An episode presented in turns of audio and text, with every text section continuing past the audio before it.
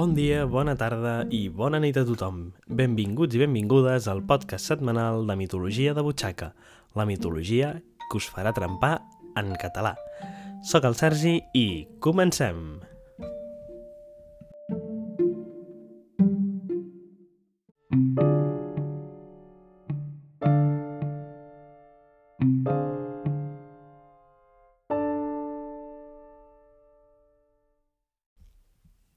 Abans de començar, fem una miqueta de memòria. Si us recordeu, al darrer podcast de mitologia de butxaca parlàvem dels titans i dels inicis del patriarcat de Cronos.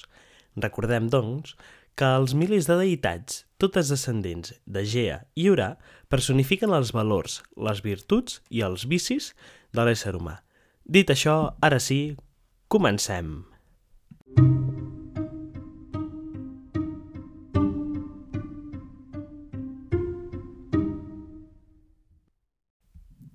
Cronos, fill de la deessa de la terra, Gea, i del déu del cel, Ura, va demostrar ser un patriarca tan possessiu o més que el seu pare.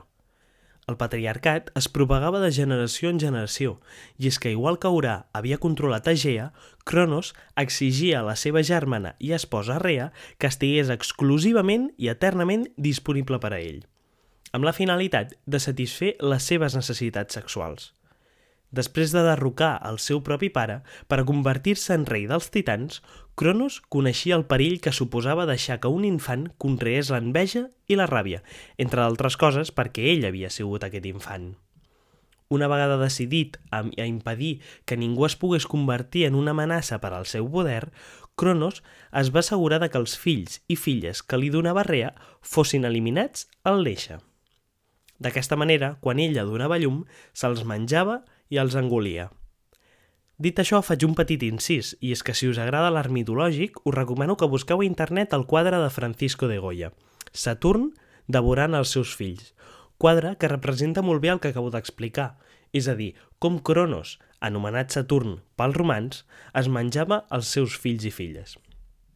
Es diu que Èstia, la primera filla i deessa grega de la llar, va desaparèixer d'una mossegada abans de que la seva mare pogués tenir-la entre els seus braços. Imagineu el que va arribar a fer la crueltat del poder diví. Acte seguit, al poc temps, va néixer Demeter, deessa de la collita, i finalment era reina dels déus i deesses de l'Olimp.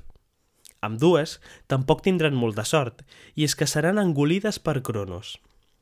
Els fills barons diguem-ne que van seguir amb la mateixa línia. El primer que va néixer va ser Hades, qui esdevindrà senyor de l'inframont, i qui també serà devorat abans de deixar anar el seu primer plor, seguit pel famós Poseidó, déu dels mars. Finalment, la desesperada Rea va acudir a la seva mare Gea i al seu castrat pare Urà, a la recerca d'ajuda. Junts van tramar un estut pla que acabarà salvant el proper fill del terrible Cronos.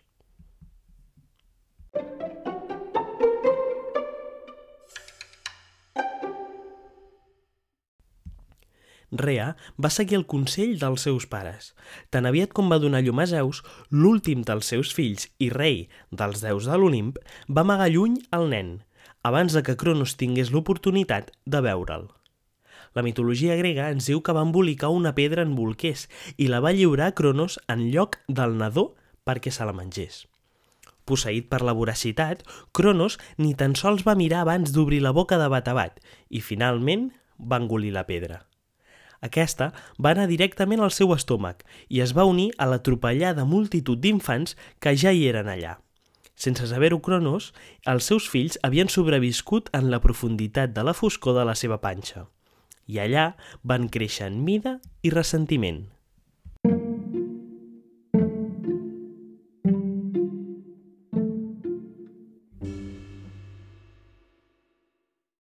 Mentrestant, Rea, seguint la recomanació de la seva mare Gea, va fer desaparèixer el nen Zeus, portant-lo a través del mar fins a la fèrtil illa de Creta. Allà, en una cova oculta en les frondoses vessants de la muntanya Ida, al cim més alt de l'illa, Rea va deixar el seu fill a càrrec d'una tribu, qui va lliurar el nadó a una ninfa. Aquesta última s'encarregarà de, de lletar l'infant en secret, però ja en parlarem més endavant. Abans de res, fem un petit incís. Es diu que la nimfa li aterrava que Cronos, amb el seu poder sobre la terra, el mar i el cel, arribés a descobrir el seu fill. I per evitar-ho, va lligar el bressol de Zeus d'una corda, una corda que penjava entre la terra i el cel, i per tant es trobava al no-res, no es trobava a cap dels dos llocs, evitant que la saviesa i el poder diví del patriarca el pogués trobar. Adrastea, la nimfa, va cuidar Zeus i el va alimentar amb llet de la seva pròpia cabra. Cada vegada que el petit cridava o plorava, es diu que la tribu dansava i cantava perquè el seu pare no el pogués escoltar. Així doncs, Cronos va ignorar que el seu fill més jove seguia viu. I ara sí, per acabar, finalment fem un petit resum de tot plegat.